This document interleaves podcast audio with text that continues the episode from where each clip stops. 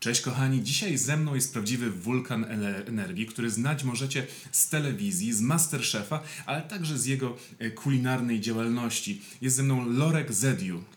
Siema, cześć, hejka. I przyznam się ze wstydem, że już na początku musiałem spytać, czy dobrze wypowiadam to nazwisko. I ze wstydem jeszcze więcej przyznam, że Rumunia jest dla mnie pewną tajemnicą. Czy często spotykasz się z pytaniami o swój kraj pochodzenia? A, tak, ostatnio tak. Najbardziej od kiedy ludzie zaczynali podróżować nie tylko tak do Egiptu, do Tunizji i, i, i skupią się bardziej na Bałkanów i na Europę, to często mm, dostanie pytanie, Lorek, jak wygląda tam u Ciebie w Rumunii? Jest dobrze, jest bezpieczne? Co możemy się spodziewać? No właśnie, to jest takie mm, chyba stereotypowe podejście, czy jest gdzieś bezpiecznie, bo przyzwyczailiśmy się do tego, że są te destynacje właśnie jak Bułgaria, jak ym, Włochy, gdzie jak Hiszpania, gdzie jeździ się z automatu i z automatu przyjechać można, a ten inny mm, region jest dla nas trochę przerażający. Może nie, to jest za duże słowo, ale jest jakaś obawa. Tak, tak. To jest wszystko przez to, że czasami to zła reklama zrobiła swoje, ale powiem Ci tylko tak, że wszyscy osoby, które znam, Polacy i nie tylko, które podróżowali do Rumunii, wracają i ciągle mi mówią, Lorek, już nie mogę się doczekać następny rok, żeby jeszcze raz wracać do Rumunii. No to skoro mamy taką reklamę, to powiedz mi, gdzie warto w Rumunii się wybrać? Okej, dobra. To jest ciężkie pytanie, powiem Ci szczerze, bo Rumunia to, słuchaj, to jest bardzo bogaty kraj. E, Jedna to na południe to mamy Dunaj, który pływa i, i pływa do Czarne Morze, tak? I tam to się zrobiło takie naturalne rezerwat, który się nazywa Delta Dunaju. I um, Dunaj pływa przez trzy kanały. I tam to jest cudowne, wygląda jak Amazon. Tam to wiesz, i idziesz na łatki, łatki, łódki? Łódki. Na łódki, tak. Czasem, będę ciężko takie, Nie będę, będę prosił Twój pomoc, tak? No idą na łódki i to są takie fajne kanały, masz miliony ptaki tam i naprawdę to jest cudowne, cudowne. Są dzikie konie, które tam to biegają, są mało wysp i to jest jeden miejsce. Drugie to oczywiście mamy górę, bo 51% myślę, albo około 50% z Karpatów to są akurat w środku Rumunii. Pamiętam coś z podstawówki. No, o, bardzo, bardzo ja też również. Więc to mamy całą Transylwanię i ja też teraz właśnie wracałem niedługo z Rumunii i odwiedzałem całe te, te góry. Jest, są takie widoki, że naprawdę nie chcesz, nie chcesz stamtąd wracać. Nagrywamy tuż przed Halloween, więc musisz powiedzieć, czy Transylwania naprawdę jest stolicą horroru. Słuchajcie, to ostatnio przez ostatnie lata się zrobiło trochę tak marketingu z tego Dracula i to wszystko, ale to powiedziałbym bardziej, że Transylwania jest miasto pełne niespodzianek przez to, że natura jest żywa tam i można spotykać niedźwiedzi na ulicy czasami w różnych miastach na przykład. No tak, w Rumunii to mamy chyba około 1500-1600 żywych niedźwiedzi i czasami na przykład jak nie ma jedzenia w lesie, to oni chodzą do, do miasta. Czyli polecasz nie hotelowo, a bardziej agrotury- agroturystycznie. Na 100% tak, jak można, i, ale można też sprawdzać, gdzie pójdziesz i co chcesz zobaczyć, tak? A w jakim języku dogadam się w Rumunii? A w Rumunii się dogadasz tak, jak jest w Transylwanii, e, węgiersku i rumuńskie. A, I w całej Rumunii oczywiście trochę po angielsku, a też bez problemu dogadać się z rękami również. Czyli po włosku, że tak powiem. Po włosku powiedzmy, że tak. Ciągle to tak to będzie, że my Rumunów też będziemy pokazywali z jedzeniem zjeść i to od razu to ręka do góry i tak dalej. A skoro już jesteśmy w Rumunii, to co dobrego w Rumunii zjemy? I przyznam, że ja już spróbowałem kuchni inspirowanej Rumunią właśnie z Twoich rąk, bo w Banialuce, restauracji w Warszawie, była karta inspirowana y, rumuńską kuchnią, przygotowana przez Lorka. O tak, bardzo by miło było, że odwiedziałeś mnie tam. No i było świetnie. E, No to tak, Rumunia, co jemy? Najpierw to o Rumunii, to o kuchni Rumunii powiem tak, że e, każdy znajdzie coś dla siebie tam. I na przykład w Rumunii to ciężko zapytać o jedzenie, że jest wegetariańskie albo wegańskie, bo to ludzie nie będą tego zrozumieli. I bardziej mówisz kuchnia postna, bo to tam to powyżej 80 coś procent to są prawosławni. I to kiedy jest post, ten 40 są same potrawy postne. Więc startujemy od zupy. Rumunia jest bogata w zupy, barszcze i różne takie rzeczy, więc jak pójdziesz do restauracji, to zawsze masz przynajmniej 6-7 pozycji zup. I Ciorby. I ciorby, tak. Zupa to znamy jak to jest, jest bardziej słodka, a ciorba to jest takie kwaso, kwaszone zupy, albo z octem, albo z sok z cytryny, albo sok z surowe winogrony, do których się da śmietana, czosnek często i to jest takie bogata i idealna na taką pogodę, którą teraz my mamy. Do tego mamy dużo, dużo mięs. A W Rumunii to przez to, że mm, są duże, duże owce, i które sprzedamy bardziej do krajów Arabów, mamy duże mleka owczego i z tego robimy przepyszne sery.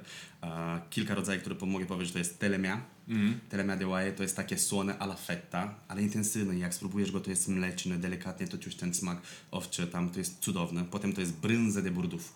To jest specjalności Rumunii, to jest dojrzewający i ciągle to jest tak zawinięty w elita, elita zwierzęte, coś takiego. Jelita, jelita zwierzęce. Tak, tak. I to jest Akurat brędza jest też takim serem, który w Polsce jest bardzo znany i też wydaje mi się, że świadomość serów po takim spadku gdzieś w latach 90., gdzie wiadomo, że nagle się pojawiła Gouda w każdym sklepie, jakiś tam y, Damer i tak dalej i y, jeden rodzaj mozzarelli. Y, no to, o, jadą po nas chyba. Jadą po nas. tak? Słyszeli o, o, o serem, uciekaj, O uciekaj! No niestety, tak i tak to jest y, Saska Kępa, tutaj y, duży ruch mm, samochodowy, no i studio nie jest wyciszone. Ale wracając, właśnie po tym takim spadku, gdzie w latach 90. w Polsce sprzedawało się głównie te takie popularne, dobre sery, teraz ludzie zaczynają szukać i mniejsze mm, ośrodki, też jakieś targi, no tam ludzie szukają tych mniejszych dostawców, kupują i brędza też między innymi wróciła do łask. Tak, tak. I dlatego to na przykład polecam każdemu, który będzie w Rumunii, żeby przyjść do takiej małej bazarki, bo tam zawsze to są osoby, które sprzedają sery i tam to mają wszystkie sery, które mogą to być i w Rumunii są napra- naprawdę bardzo duże i można iść i poprosić. Aha. Trochę z każdego spróbujesz, szykujesz i potem jak Ci smakuje, to możesz od razu kupować. I to, co to jest bardzo ważne i fajne, jest, że ludzie, którzy produkują ten ser, od razu z domu przyniosą tam. Mm. Jest świeży i naprawdę to masz, e, jakościowo to jest najlepsze. No, to, to też o tym już trochę wiemy. Jako Polacy często wybieramy się na oscypka, prawda? I oscypek nigdy Prawda. nie smakuje z marketu, tak jak kupiony od, od pana Bacy. Nie, oscypka akurat ja przywiozłem z Polski do Rumunii i robiłem grilla, oczywiście z e, dżemem żurawinowy i tak dalej. Aha. O, wszyscy zakochali się w tym, więc to podoba mi się, że czasami to wiesz, promuje Rumunia w Polsce, a czasami Polska w Rumunii. A skoro już o takim połączeniu mówimy, może jakiś taki moment będzie, kiedy będziemy mogli z Tobą odwiedzić tą Rumunię, bądź w postaci relacji, a może osobiście. Bardzo, bardzo fajnie powiedziałaś. Tak, e, akurat to jestem w trakcie przygotowywać podróże kulinarne z szefem Lorkę do Rumunii. Dlatego właśnie teraz wracałem z Rumunii, byłem Aha. tam ponad 3 tygodnie. Słuchaj, to jak byłem mały, to byłem dosyć biedny i nie miałem pieniędzy podróżować. I dlatego to ja też Rumunia to znam z karty, z wiedzy, ale nie odwiedziałem wszystkie te miejsca, o którym no, słyszałem. I teraz to udało mi się. Aha.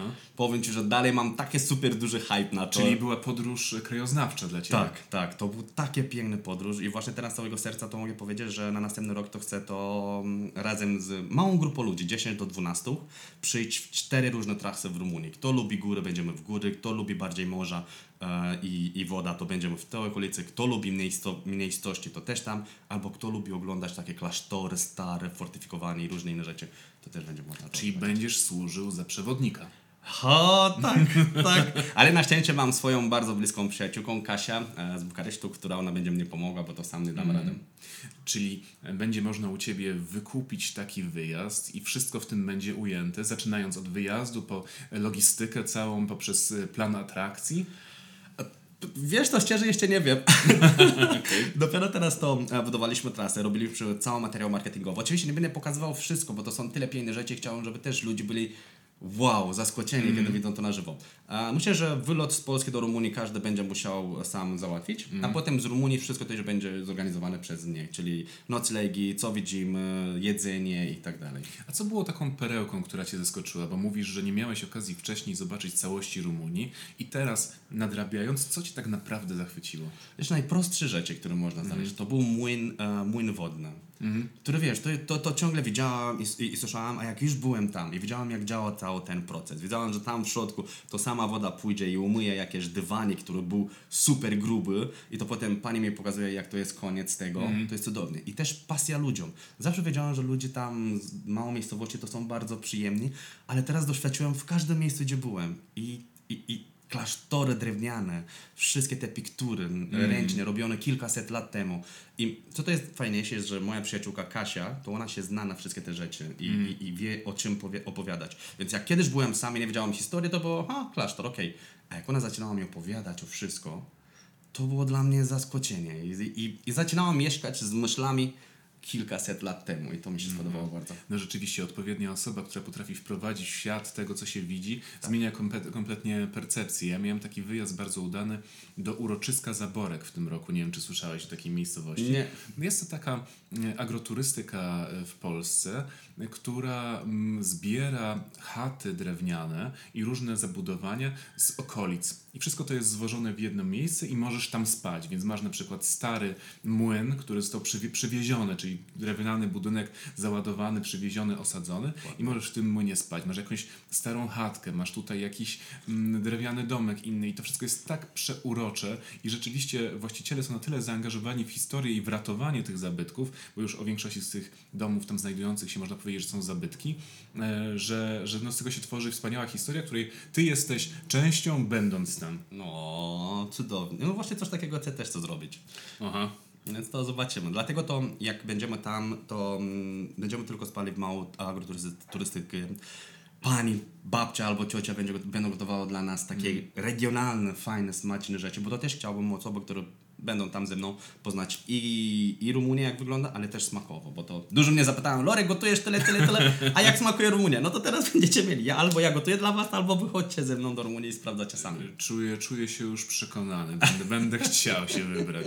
E, A powiedz mi, czy to będzie tylko gotowanie tych osób, które będą was gościć, czy także będziecie odwiedzać restauracje, czy może ty też się popiszesz?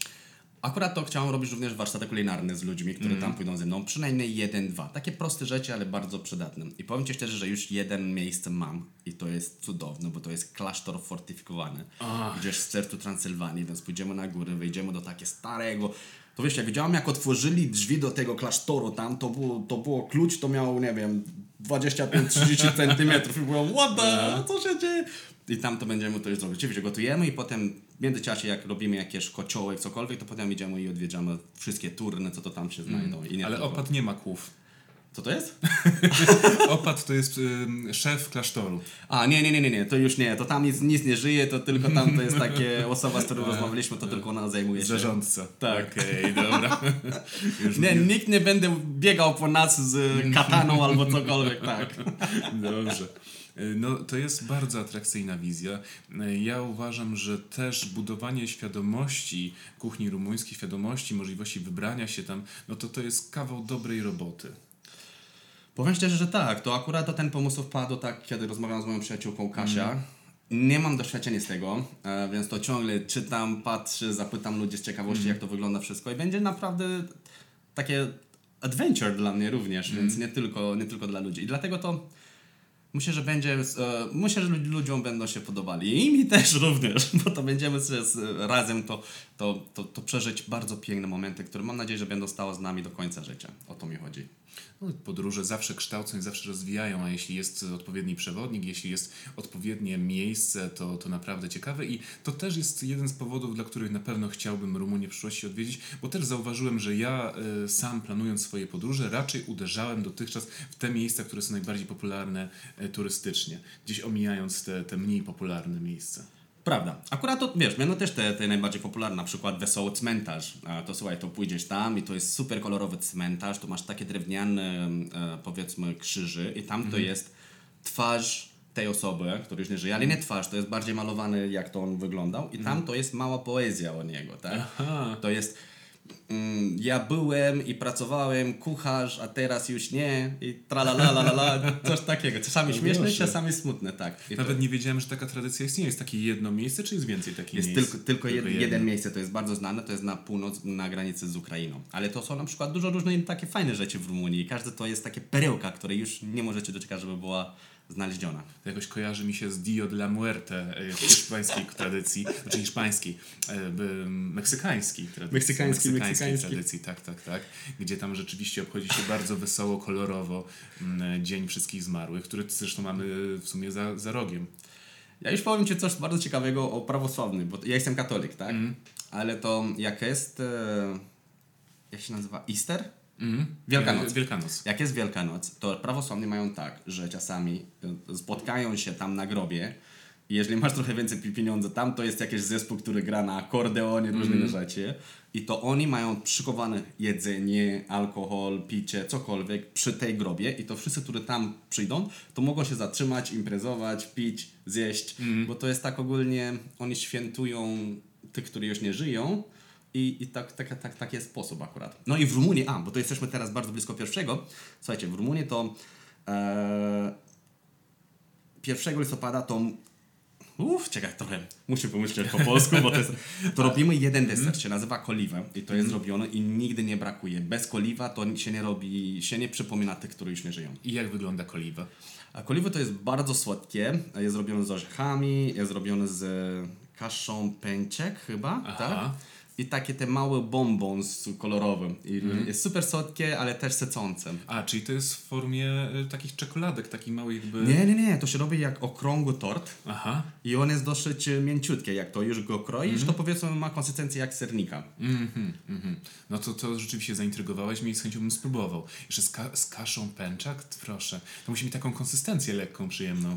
Tak, jak wszystko jest dobrze, to następny tydzień to już szykuję jeden przepis taki i pokazuję. A, dobrze, może to będę miał wyzwanie, żeby u siebie zrobić. Jak mi wyjdzie, no to wtedy się będę mógł pochwalić. Ja mm, też słyszałem o takiej tradycji, ale nie wiem, czy teraz nie strzelam źle, że w Turcji chyba, y, kiedy ktoś umrze, przy, wynajmuje się jakieś ym, konkretne jedzenie, się rozdaje na ulicy, żeby uczcić tego, tego, tego zmarłego. Nie wiem, wiesz, akurat to ta tradycja, którą mamy w Rumunii, bo Rumunia to jest kraj, w którym mamy duże takie mm, e, połączenie z różnych krajów. Mamy też na przykład słoweńskie, mamy również austro-węgierskie, mamy też tureckie. Więc to duże potraw, które dzisiaj to znajdziesz w Rumunii, to są podobne do, na przykład czasami to znajdziesz w Turcji, albo w Rosji, albo w Węgrzech, bo mamy też gulaszy, bo to mieliśmy taką dużo bogatą e, historię, że teraz to my braliśmy te przepisy i robiliśmy nasze. Gulasze tak samo weszły do, do polskiej historii i są zawsze, o, wydaje mi się, że nie było takiego momentu w historii, kiedy gulaszu nie było u nas. Zgadzam się na 100%. Prawie to jest prawie wszędzie. Ale tak. n- Takiej my nazywamy poganicy. Tak. Mm. No tak, a jak oceniasz, czy lubisz kuchnię polską? Oczywiście, że tak. Słuchaj to. Co jest twoim ulubionym daniem, jak już o to pytam? Dobra, to muszą być pierogi ruskie, które uwielbiam. A musi być żurek i barszcz. Oj, żurek to jest y, absolutnie rzecz cudowna, której sam nigdy nie robię i zawsze zdaje się na moją babcię, bo ona robi najlepsze. No to wiem, wiem, ale to byłem w Rumunii akurat i musiałem przy, przygotować żurka. Moja babcia nie zna się na żurek, ale wyszło bardzo dobrze. I pierogi, na przykład ruskie, tutaj ci powiem, połączyłem raz twarogiem z tą brynzę de burdufą, mm. który ci powiedziałem. Mega. To brzmi jak zaproszenie. No to jest, do tego robię sos porowy, Aha. e, sos redukowany z wiśni. A, Zapraszam czyli nas, jak z wiśni, czyli słodki. Nie, delikatnie, bo to wiśnia jest trochę słodka, żeby walczyć z wszystkie te tłusty i Mhm. ostrości od pieprzu, bo to ja lubię, jak gotuję coś, ja lubię połączyć wszystkie 4-5 smaków, żeby tam Mhm. się znalazło wszystko. No, to ciekawe, to ciekawe. To brzmi rzeczywiście jak coś, czego chciałbym spróbować. A powiedz mi, czy Polacy są gościnni? O tak, dlatego właśnie ja wcześniej mieszkałem w Londynie.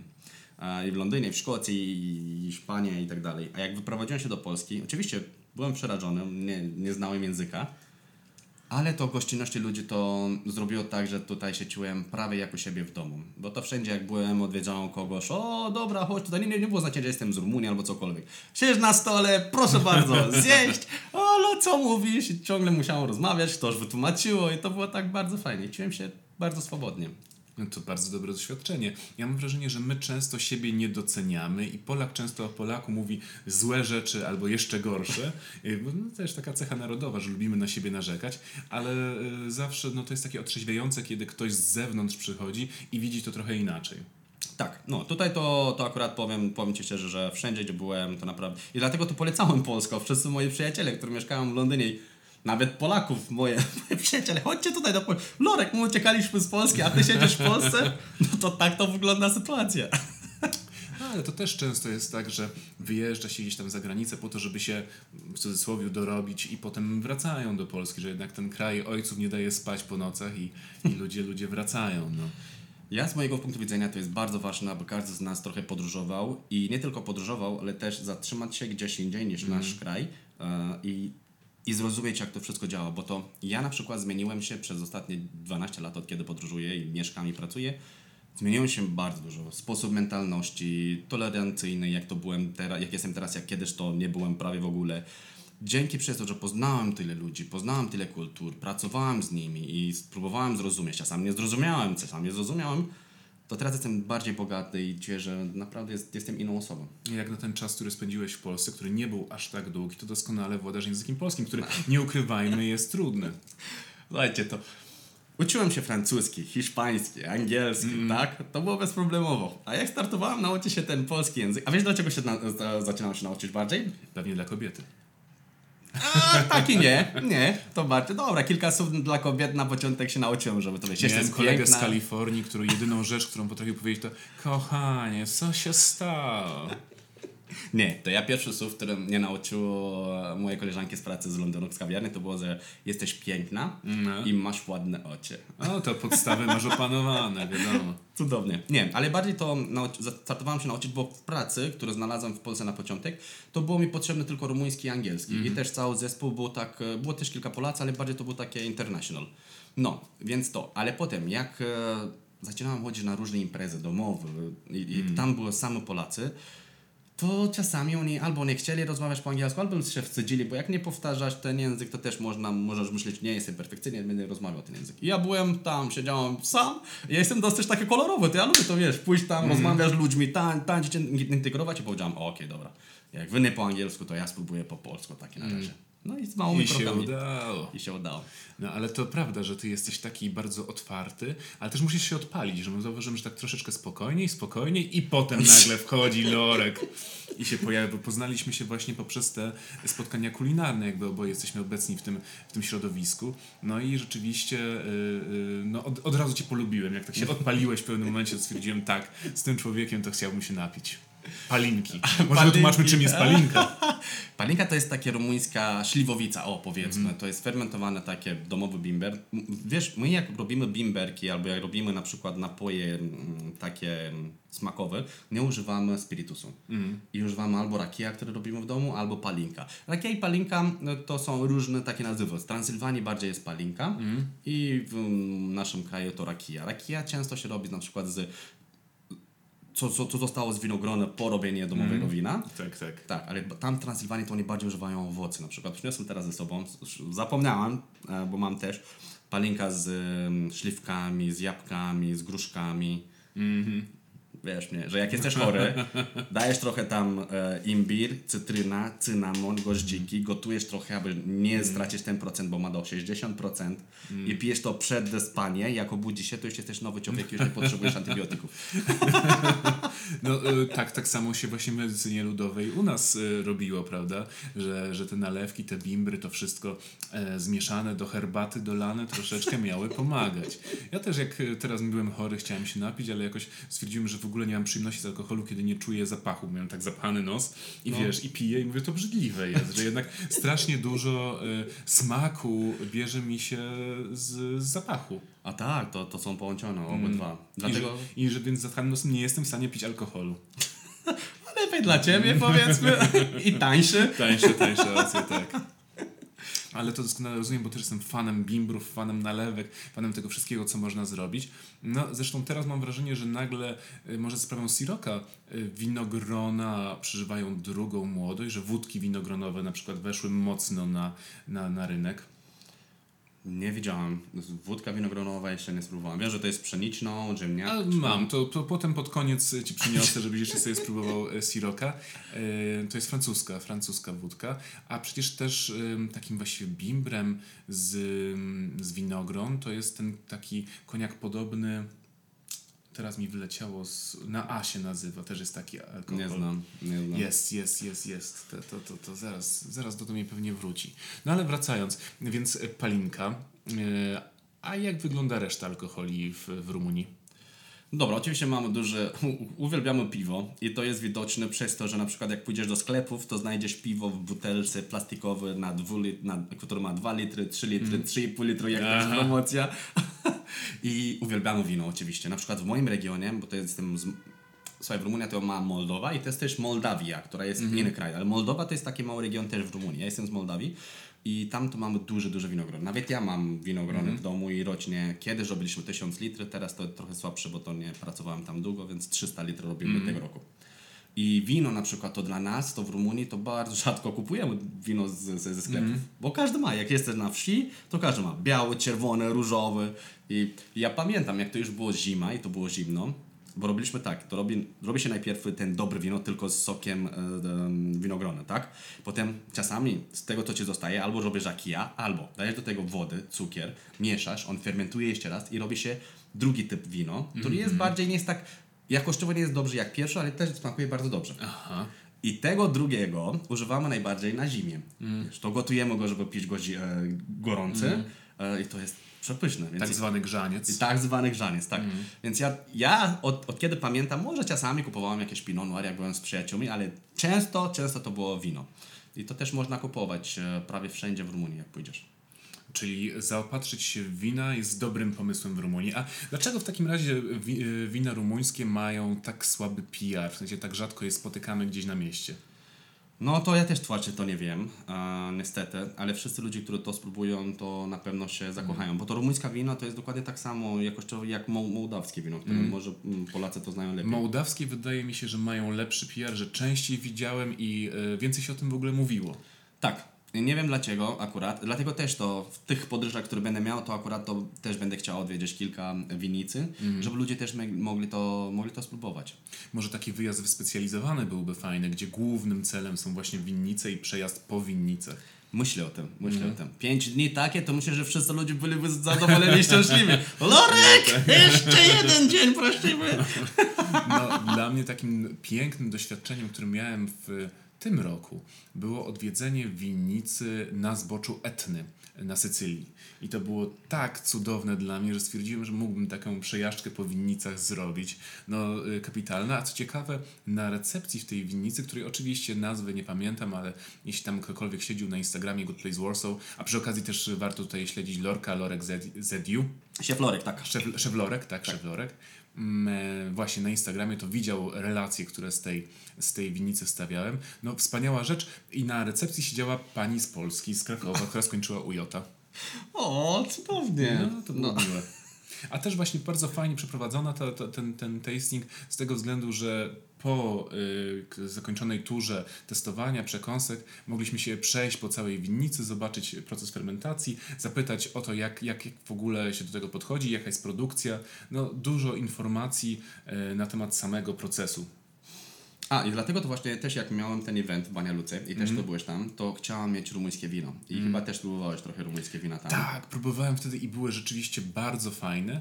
E, Do tego stopnia, że gdybym e, był postawiony przy mnie jakieś wino e, typu uznane, tak, takie bardziej znane, nie byłbym w stanie rozróżnić jakościowo. One rzeczywiście były bardzo dobre, tak? Tak. Bardzo dobre wina, to prawda, to prawda. I to było tylko kilka, kilka. Ja na przykład to zawsze to od tego swojego przyjaciela zawsze zamówię te Busuaka de Bohotin. To był ten różowy wino, który pasował idealnie z deserem. Tak, tak, takie leciutkie, Tak. słodkie, ale Super nie za, nie za dużo cukru też z drugiej strony. Nie było takie, że, bo ja też nie lubię tego, jak czuję się jakbym pił lemoniadę A nie, nie, absolutnie nie. Jednak, słuchaj, to teraz jak byłem też w Rumunii, ja też byłem w Mołdawii, w Kiszynowie, bo to miałem również tam event, kupowałem taki jeden brand, Purkar się nazywa, Ice Wine. A, Ice Wine znam. Oh my god! Znam, znam, znam. To jest y, austriackie wino chyba na początku. Zamarznię... y, Winogrona są y, zbierane bardzo wczesną wiosną z zamarzniętych krzaczków, dzięki czemu ten cukier wytrąca się bardzo mocno. Tak, to jest super, super słodkie, a na sam koniec jak już go wypijesz, to czujesz sam smak tych winogronów. Mam w domu taka mała butelka, to piłem dwa szklanki. Mam, mam jeszcze dwa szklanki i poleję tak po troszeczkę, kiedy mam gorszy dzień. A powiedz mi, y, a jaka jest cenowo taki Wine y, rumuński?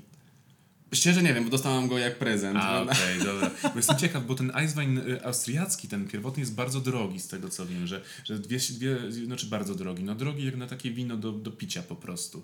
Mm, 200 zł za butelkę minimum. O, nie, nie, nie, nie. Ten akurat to jest tańszy. Myślę, że jest około 100 zł, gdzieś w tej okolicy. A, czyli takie do przełknięcia ceny, nie? Tak. Bo też właśnie jak, zawsze jak myślę o winie, to e, często nie chce mi się kupować tych takich drogich butelek, no bo to trzeba wypić, żeby się nie wygaz, żeby nie straciło smaku w jakichś tam y, czasie, a, a powiedzmy z whisky tego problemu nie ma. Ja też uwielbiam whisky. To było czasy, kiedy wiesz, słuchaj, powiem ci tak mało rzeczy. Jak wyprowadziłem się do Polski, ja nigdy w moim życiu nie piłem wódki. No to był, był szok, tak zwany szok kulturowy. Był, bo to jak zaczynałem chodzić na imprezy i pamiętam pierwszą imprezę w Krakowie, jak to było, to ja przyniosłem butelkę wina. Aha. Mów, za sekundkę do ciebie wrócę. Tak, tak, tak. No i to e, wszyscy mężczyźni, którzy tam to byli, patrzyli u mnie i zaczynali się uśmiechać. Lorek, a co ty robisz? ja powiem, słuchaj, to ja chcę pić. Nie, w Polsce się nie pije tak. I to wiesz, dali moją butelkę wino dziewczynom i to nastawiali na, na stolika trzy butelki wódki, jeden kieliszek i mówię, teraz pijemy po polsku. I jestem, what? Okej, no i to był fajny wieczór i fajna impreza, tylko to powiem. Zdecydowanie tak. No ten pierwszy, pierwszy szok jest ciężki. Ja pamiętam, że mm, ja chyba pierwszy raz, nie wiem czy takie rzeczy powinien się przyznawać, ale pierwszy raz kiedy wódkę piłem to miałem z 14 lat i z kolegami kupiliśmy pół litra i schowaliśmy się gdzieś w krzakach i pamiętam, że to strasznie mi nie smakowało, ale wstyd było się przyznać e, przed e, kolegami, że nie smakuje, więc zrobiłem dobrą minę do złej gry i mówię, o świetne, świetne! Nie, to ja już nie lubię tak bardzo wódki, więc Mm. bardzo, bardzo rzadko piję. I powiem Ci tak szczerze, że teraz, w Polsce, e, teraz tutaj w Polsce, wiecie jak to jest e, historia, historia, tradycja. Pójdziesz na wesele i mówisz shot, shot, shot, shot. I ostatnie, na ostatnie dwa, trzy wesele to akurat tego nie zrobiłem. Mm. Kilka ludzi byli bardzo niezadowoleni, a ja byłem bardzo szczęśliwy, więc proszę liczyłem. Jeden szocik tak czasami piję, ale to nie, to już no. I właśnie, e, żeby opisać sytuację, przyniosłem tą wódkę z white grape, czyli z biały winogron. Jest to sirok francuski. E, Bardzo fajny ma aromat, prawda? Tak. Jakbyś się określił? E, guma bombowa taka. Balonowa? Balonowa, No, tak. A, a ja nie. Ja, ja czuję właśnie Nie. jakieś taki bardzo, bardzo słodkie winogrona, jakiś taki soczek z winogron, wiesz? Taki nektar może nawet. Dlatego proponuję y, szocika. Małego szocika, Małego, żeby małego, jasne. tak, oczywiście. bo Tutaj musimy zachować twarz. I jak oceniasz? Ej, inaczej. Nawet jak to jest to ciepło, nie jest super zimno, tak? Super aromatyczne. Ale lekko słodziutkie. Jak, jak e, e, specjaliści od wódki mówią, wódka co najwyżej może być schłodzona, bo jak jest zmrożona, to wiesz, to nie ma tego smaku. O, dziękuję. Jednak- nie wiedziałem. A jednak zależy. No nie, no jak masz kiepską wódkę, albo chcesz po prostu walić wódkę tak, żeby przysłowiowo weszło jak najwięcej, no to wtedy ją zmrażasz, bo nie czujesz tego, tego smaku. A jeśli masz dobrą wódkę, jakościową wódkę, no to podajesz ją co najwyżej słodzoną. Po to, żeby aromat się uwolnił, żeby to ciepło, no, żeby to po prostu miało sens. Czy To jest smakowa? Tego pytam. Nie, ona nie jest smakowa. Ona nie jest smakowa, My ona po God. prostu jest w ten sposób dystylowana. Cudowna. Cudowna, naprawdę. To jest... Trochę przypomina mi te o tej palinki i o te rakija, które są bardzo dobrze zrobione, bo też jak Mhm. pijesz to, to już na koniec masz też ten smak owocowy, który Tak. tam to był. Właśnie, właśnie dlatego ją przyniosłem, bo też mam takie skojarzenie gdzieś z tą palinką, którą dostałem e, kiedyś. Nie wiem, czy u, u ciebie to była podobna palinka na koniec? Chyba tak. Rakija to było w Rakija. Banielucie, tak, tak, to mieli rakija, tak. Rakija. No i też ona też ma właśnie taki fajny posmak, ym, posmak winogronowy, ale inny aromat. Tak. Jak to robimy te gąbki na koniec e, listopada, musimy się spotykać, bo tak obiecałem, to już czeka na was po, po szocika takie tej A, najlepiej. I w ogóle mi się wydaje, że w tamtej rakii czułem anyż wtedy. Zależy jak jest zrobione. Czasami może być, czasami nie. W Rumunii nie używamy anyżu. Mm. Anyż, kumin, a kmin czasami używamy do nasze cewapcici, mici, które Mm. są bardzo, bardzo znane, e, grillowane takie potraw. Ale inaczej... Miczy to są te małe, y, małe kiełbaski. Tak, mało kiełbaski, Mhm. które grillujemy i to potem zjemy z musztardą i z chlebem. To bardzo, bardzo A, spotykane. a ty je wtedy podałeś w kanapce, nie? Jako taki a, a la burger. Tak, tak. No. Bo to ja robiłem, na przykład ja robiłem ten sos jogurtowy, musztardowo-koprykowy, Mhm. piklowane czerwone cebule. Trochę inaczej to zrobiłem niż zna- znajdziesz w Rumunii. O, jeszcze jedna rzecz. Zapytałaś mnie, dlaczego tak mi się spodoba bardzo Rumunia. Rumunia jest bardziej wolna i tam to, jeszcze do tej pory, to ludzie nie mają, nie dzieja, działają po systemie. I lub, uwielbiam na przykład, jak pójdziesz do bazaru, to do każdego bazaru masz taką karczmę i tam to wiesz, ludzie Mhm. grillują, siedzą, słuchają muzyki, piją małą piweczko, Mhm. spotkają się. To jest tak, nie wiem, to ma swój uroczy klimat i to Mhm. bardzo mi się spodoba. No, wydaje mi się, że też dużo ludzi w Polsce zatęskniło za takim mikroklimatem i teraz osiedla niektóre próbują robić własne jakieś takie właśnie spotkania, zdarzenia, wyjścia, integracje, że- żeby odbudować te małe społeczności, które trochę w tym życiu blokowym się zaniedbały, zaniknęły. Tak, i to jest, to jest smutno, bo to na przykład ja pamiętam jak, jak było, jak spotkaliśmy się u babci, wszyscy kuzynowie, małą miejscowość na wsi, byliśmy, z, przyjaźniliśmy się ze wszystkimi, potem wieczorem jak szliśmy, to dobra, chodźmy gramy piłkę, potem skończyliśmy kilka piw, rozmowy, wracaliśmy w nocy w domu, czasami nie wiedziałeś, który jest twój dom, który nie, No tak. ale to był taki mm, kontakt między ludźmi, mi się wydaje, że jak ja byłem mały i, w takie sytuacje to był lepsze niż teraz. Czasami to teraz ludzie są za zimni, nie, nie chcą mówić dzień dobry sąsiadowi. To, to, to czasami mi boli, wiesz? No, ja opracowałem taką metodę, że jak się gdzieś prowadzę, no teraz już w tym miejscu mieszkam na stałe chyba, zobaczymy, ale wprowadzając się to starałem się z wszystkimi przejść po bloku i się przywitać, no nie wszystkimi w całym bloku, ale wszystkimi w klatce, żeby jakieś takie chociaż pozory e, pozory znajomości zawiązać, ale rzeczywiście, no ludzie się śpieszą, ludzie e, do, do, do siebie, do domu znikają za tymi drzwiami i chyba nie chcą tak bardzo wychodzić. No o to chodzi, tak. Ludzie się spieszą, bardzo dobrze powiedziałeś. A kiedyś to było tak, spieszy się tak, no to dobra, chodźmy siedzimy jeszcze 5-10 minut i potem możesz się spieszyć. Miejski tryb życia trochę wymusza inne, inne podejście, nie? Tak. I to jest takie, Tak. takie przykre, ale też y, widzę, widzę zmianę i widzę, że choćby na Saskiej jest bardzo dużo takich inicjatyw lokalnych, żeby spotkać się, zapoznać, żeby wyjść, żeby tych, tych sąsiadów, żeby to nie były anonimowe osoby. Cudownie, bardzo mi się spodoba. No i tak to powinno by to być. I mam nadzieję, że to jest więcej i więcej takie spotkań to będą. Ale mówiliśmy o tym mici. Jak gdybym ja chciał Tak. sobie taką kanapkę z mici zrobić, to y, gdzie ja się dowiem, jak tą kanapkę zrobić? Niestety, niestety trzeba dzwonić do mnie. Okej, E, ale nie, jeszcze nie. Słuchaj, to. Kurczę, bardzo dobre pytanie. Czekaj, to prawie zapomniałem, co ja robię.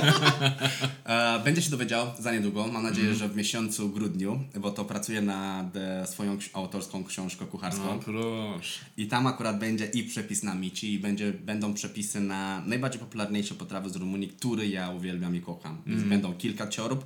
Akurat ta ciorba dobra, którą spróbowałeś, mm. w Banialuce. Będą mici, kilka deserów sawariny, które uwielbiam. Sawariny w Rumunii mamy też duże, mieliśmy kiedy- kiedyś duże połączenie z Francji, więc to też Rumunia jest taki frankofony kraj. No i tam to jest jeden, sawarina to jest rumuńska wersja babarum. Zjadłeś kiedyś babarum? Kojarzę, Rowerem, To jest ciasto drożdżowe, ale super mega puszysty, Mhm. który mocisz w, sos, e, w syrop e, cukrowy, Mhm. do którego dajesz rum i to potem bita śmietana i jakieś dżem takie owocowe, trochę kwaśniejsze na A przykład. nie, to mi się chyba coś myli. A jak się nazywa takie rumuńskie ciasto, które się zwija w takie y, ślimaczki? A, to jest bardziej bałkańskie, ale burek się nazywa. Burek, a tak, dobrze, burek. to już mi się miesza. Myślałem, że to Tak, rumuńskie. nie, nie, to, też, wewnątrz. to też robimy w Rumunii, bo Mhm. To też uwielbiam w Rumunii, bo to jak pójdziesz, to mamy nasze takie piekarni, czy to można powiedzieć strudely, duże takie placinte Mhm. z serami, na słodkie nasono i to są takie małe przekąski, które możesz zatrzymać i kosztuje prawie grosze, 2 zł, 3 zł, kupujesz, Mhm. zjesz i pójdziesz dalej.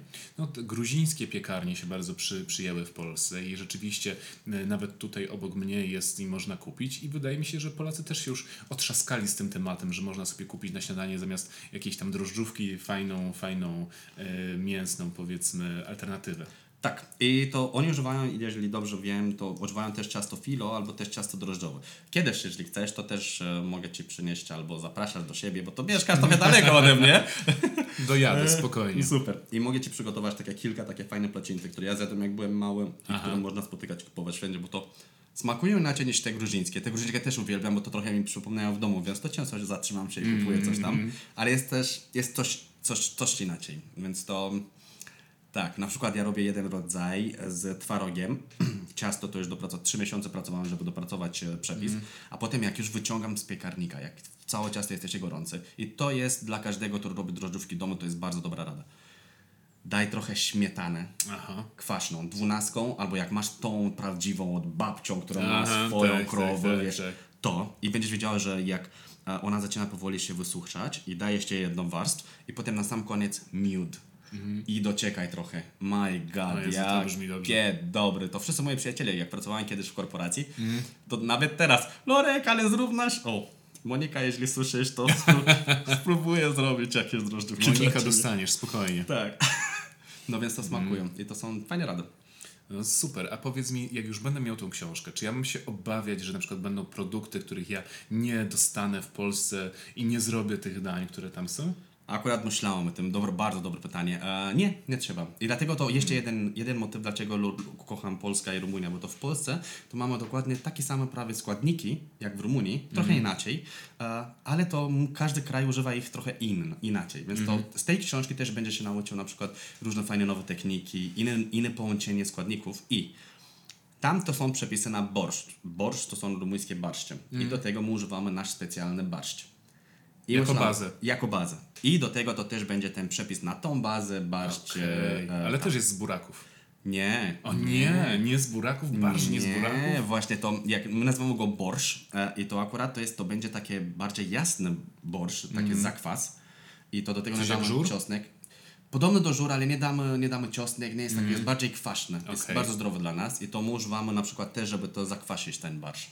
Okej. No i tam to będą. prze- Będzie też przepis na takie sos czosnkowy, który mój ojciec zrobił. E, jak- Od kiedy byłem mały, mi dał takie drewniane e, moździerz. Daj tam synu, brawo, bardzo dobrze. I to jest super aromatyczny i bardzo kremowy. Naprawdę będą bardzo fajne przepisy. No moździerz to jest właśnie rzecz, za którą chodzę już od roku, żeby sobie kupić i jeszcze nie kupiłem. O nie, kup Więc, sobie, bo więc to jest muszę, cudownie. muszę, muszę. No jak y, mam na przykład czosnek do rozgniecenia, to rozgniatam jakoś nożem, wiesz, y, bokiem i tak dalej, jakieś dziwne sytuacje. No ale, ale tak, ale to jest rzeczywiście coś, co się naprawdę przydaje.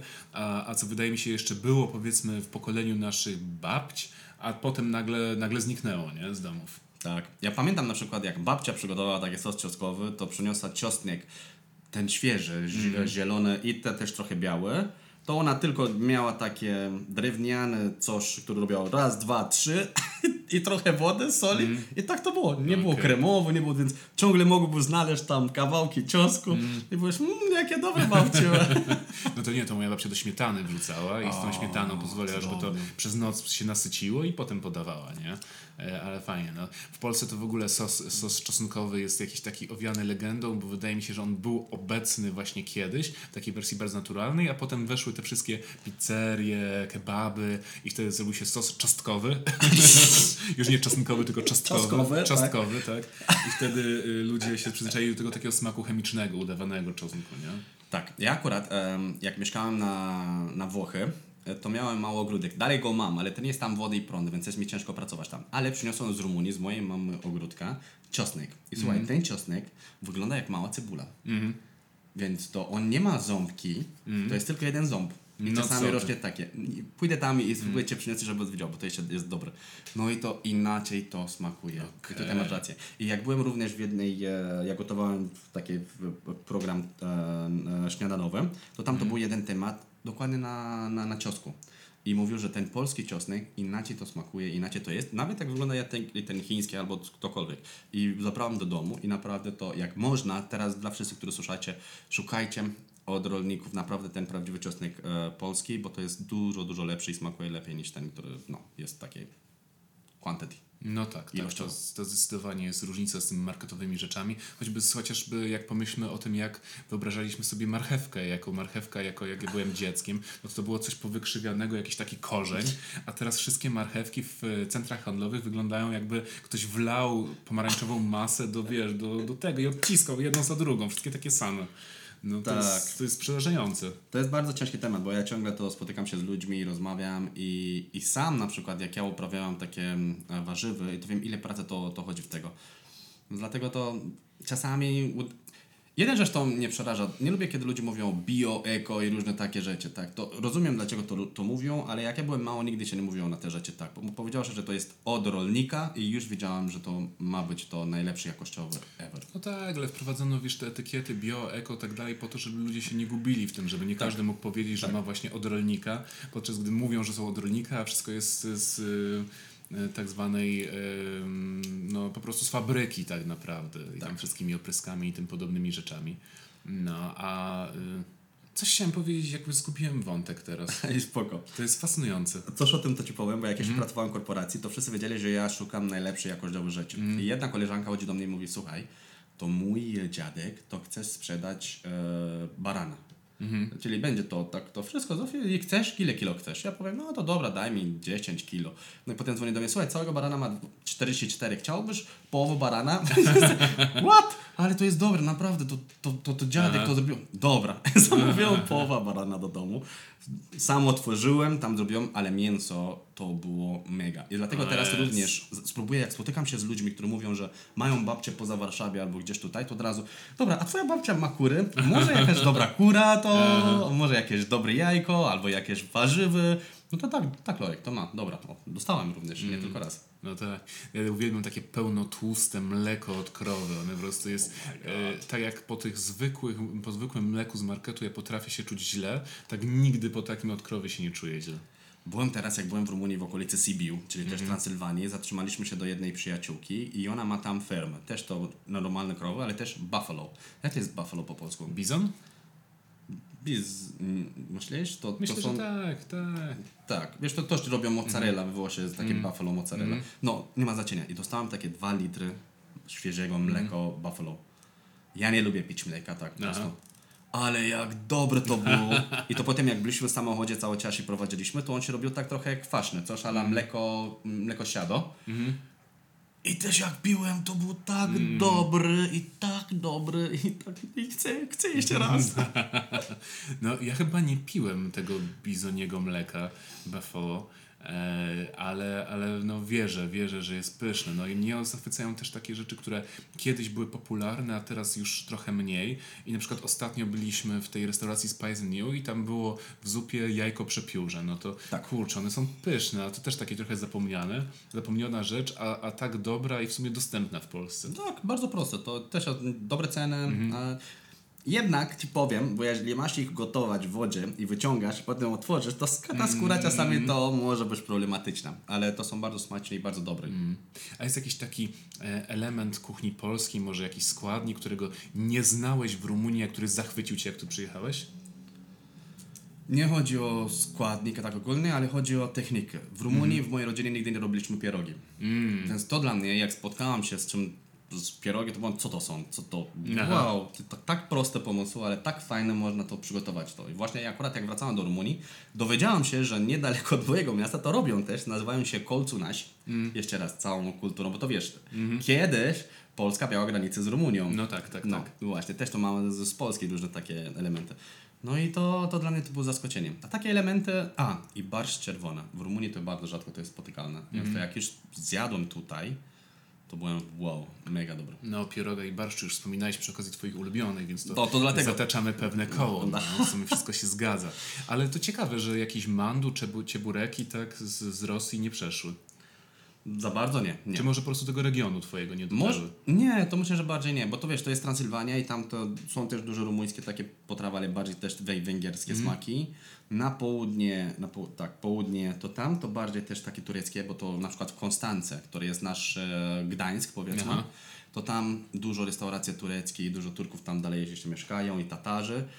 Potem też dużo Serbów. W moim regionie to bardziej jesteśmy połączone trochę słowiańskie i trochę nie, więc to dlatego jest bardzo ciekawa Rumunia, bo tam to naprawdę Mhm. pójdziesz do jednego regionu i spróbujesz coś tam, a pó- pójdziesz do następnego i jest coś innego i to kilka sto kilometrów dalej na przykład. No tak, tak, tak. To rzeczywiście jest miejsce warte, warte odwiedzin. A ja chciałem spytać o coś, o co pewnie już byłeś pytany milion razy. Czy Masterchef ci pomógł? O, to tak. Czy, czy, to, czy to warto było tam się wybierać? Tak, to zdecydowanie powiem tak. E, bardzo się bałem na początek, przez to, że na, no wiesz, kilka lat, trzy lata temu to też nie, mój poziom e, języka polskiego to nie było najlepszy. I nie wiedziałem, czy jestem gotowy. Nigdy nie jesteś gotowy pójść do Masterchefa, to dla wszystkich, którzy słyszają i, i, i zadają sobie pytanie, "K- czy jestem wystarczająco dobry, to nie myśl tak, pójdź tam, jeżeli masz pasję do gotowania, to spróbuj. I ja tak ci powiem, nie wiem, to było tak, że dostałem się z moją byłą i to potem w styczniu i potem marcu ona mi powiedziała, że są castingi, no to i, i, i powiedziałem, no to dobra, to pójdź tam, ja byłem, nie, nie pójdę tam, pójdź tam, bo to to jest dobrze, okej. I tam to najlepsze to jest tak, że na początek to jest trochę konkurencja, ale przez tą konkurencję też robią niesamowity przyjaźń. I Ja teraz to mam kontakt. Ja miałem też szczęście, że byłem w dwóch edycjach, coś takiego się nie zdarza, ale to miałem trochę szczęście. I mam kilka z najlepszych przyjacieli, które teraz mam w Polsce, są z, te, z tamtego programu. Przez to, że tam przeżyjesz wszystkie emocje i radości, boi się, strach. Wiesz, jak siedzieć i jurorów, to, e, to, to smakują twoje jedzenie, potem robią takie dziwne miny i jesteś, o nie, to chyba wracam do domu. I to wiesz, serce to masz tutaj do gardła. Potem był odcinek, kiedy mama Przynieśli moją mamę. Słuchaj, Aha. mama nigdy nie latała z, to jest bardzo ciekawe, mama nigdy nie latała z samolotem, zawsze się bała. A jak dzwonili do niej i mówili, że dziecka to jest e, to i, i pani to musi gotować z nim, to ona sama jeździła do Bukaresztu samolotem do Frankfurta, tam to miała zmienić por, e, por, e, e, terminal. Mama Aha. mówi tylko po rumuńsku, żeby było jasne. Zmieniła terminal i potem stamtąd do Krakowa. I to było... I Jak dała radę. i dała radę i to... Ja, No, na, ja na dzielna przykład- mama. Dzielna mama. I w, tej, w tym odcinku to byliśmy tylko siedem, zostaliśmy. I to widzę, jedną mamę, drugą mamę, mnie zostawili na sam koniec. I ja to już byłem smutny, bo wiedziałem, że moja mama tam nie ma jak to być. Aha. I jak otworzyło się, to widziałam mama, to... I się pojawia. Oh my god, to jeszcze raz miłość do tego. e, Już, już nie interesowała cię konkurencja. Mm. Byłeś szczęśliwy, że twoja mama jest obok ciebie i gotuje z nią tak samo, jak gotowałem z nią, kiedy miałam 5, 6, 7 lat. No tak. I dlatego to, jak myślę o Masterchef, myślę o jednej z najlepszych przygody z mojego życia. Mhm. I cię nauczy dużo, bo to na przykład jak jesteś w stresie, idą do ciebie reporterzy i, i, i- chcą o ciebie informacji. Musisz się skupić też na gotowanie, a też rozmawiać z nimi. I to ci później pomaga, jak będziesz miał warsztaty kulinarne, jak będziesz miał Mhm. eventy i musisz, musisz się otworzyć, rozmawiać z ludźmi, ale taki sam czas przygotować jedzenie i nie zapomnieć, że tam się robi karmel, uwaga, nie pal go, Mhm. tak? I dał mi dużo więcej pewności siebie niż mogłem Mhm. myśleć. Czyli z jednej strony konkurencja, z drugiej strony taki uniwersytet, przyspieszony kurs. Wow, jak dobrze powiedział. Tak, to jak. tak, to, je, to jest jak uniwersytet. Aha. Zdecydowanie tak. A kto był twoim ulubionym jurorem? Tutaj to jest bardzo prosta odpowiedź. To Michel Moron. To on jest. On jest człowiek. On jest człowiek człowieka, powiedzmy tak, bo to on jest radosny, pełny miłości do tego, co zrobi, zawsze to chodzi do ciebie, da ci dużo dobrej energii. I nawet jak gotujesz źle, to on nie jest surowy, więc to ci mówi, co nie gotujesz dobrze i to uśmiecha się potem i ty nie możesz być smutny, uśmiecha się, z- się z nim, tak? I, I widać, że też to ma, ma wiedzę, bo to akurat to teraz otworzył e, swojego restaurację. E, Miał Aha. jedną restaurację w centrum Warszawy, zamknęli, teraz to ma, ma Maison się nazywa chyba. Mamy zon i to jest też w Warszawie, tak? To jest, to jest w Izabelinie, z A, tego co okej, wiem. Tak. okej. Bardzo, bardzo Jakieś fajnie mi to minęło, to, to otwarcie, to ciekawe. No to tydzień temu otworzyli. Tydzień temu, Tak, dobrze. tydzień temu. No to jesteśmy świeży, hot take tak zwany. tak, tak, możemy tam pójść. No i to tak, i Michel zdecydowanie to jest. I zawsze to chodziło do nas, zapytał, co tam ekipa, jak się czujemy? Źle. Nie ma problemu, chodźmy, gotujemy, bo to gotowanie to da dużo radości. Jestem szefie, ale ktoś idzie do domu dzisiaj. Tak. Ale do tej pory to mieliście dobry czas, nie? Tak, no to tak samo zróbcie dzisiaj, co możecie najlepiej i to koniec. Może nikt nie pójdzie do domu, kto wie? No. No, ja miałem z nim bardzo krótką e, styczność przy okazji konferencji Too Good To Go, ale też wydawał mi się bardzo ciepłą osobą. Tak, nie, a akurat, akurat jest bardzo, bardzo ciepłą osobą i to zawsze. Mm, Powiem tak szczerze, my czuliśmy, że jesteśmy traktowani jak rodzinie, że Aha. on jest nasz większy brat, albo wujek, albo coś takiego i zawsze to dobije takie bardzo fajne ciepło od, od niego. I, i, I są takie momenty, kiedy potrzebujesz w tym programie, bo to coś ci nie wychodzi, coś nie jest dobrze. I jak pójdzie jeden juror jest bardziej surowy z tobą, to już stracisz w siebie wiarę. Ale Michel jest taką osobą, że pójdzie, co się stało? No to się przepaliło mi to. Dajesz radę, masz jeszcze 10 minut, zrób co, obaj, kombinuj tutaj, zrób tak, zrób tak. I od razu to, no dobra, to się wierzy w mnie. Aha. Bo chyba tutaj największym problemem wcale nie jest wymyślenie tych dań czy ich przygotowanie, tylko walka z czasem. Tak, o, o powiem Ci szczerze, że to, to dla mnie to, to dla mnie, dla wszyscy to jest problem. Nawet jak gotujesz w domu, jesteś wyluzowany, dobra, cokolwiek, ale jak jesteś tam, to tak szybko leci ten czas, nawet, nawet nie wiesz jak szybko. No tak, tak, tak. No, to też ciężko jest porównywać, prawda, do czegokolwiek innego.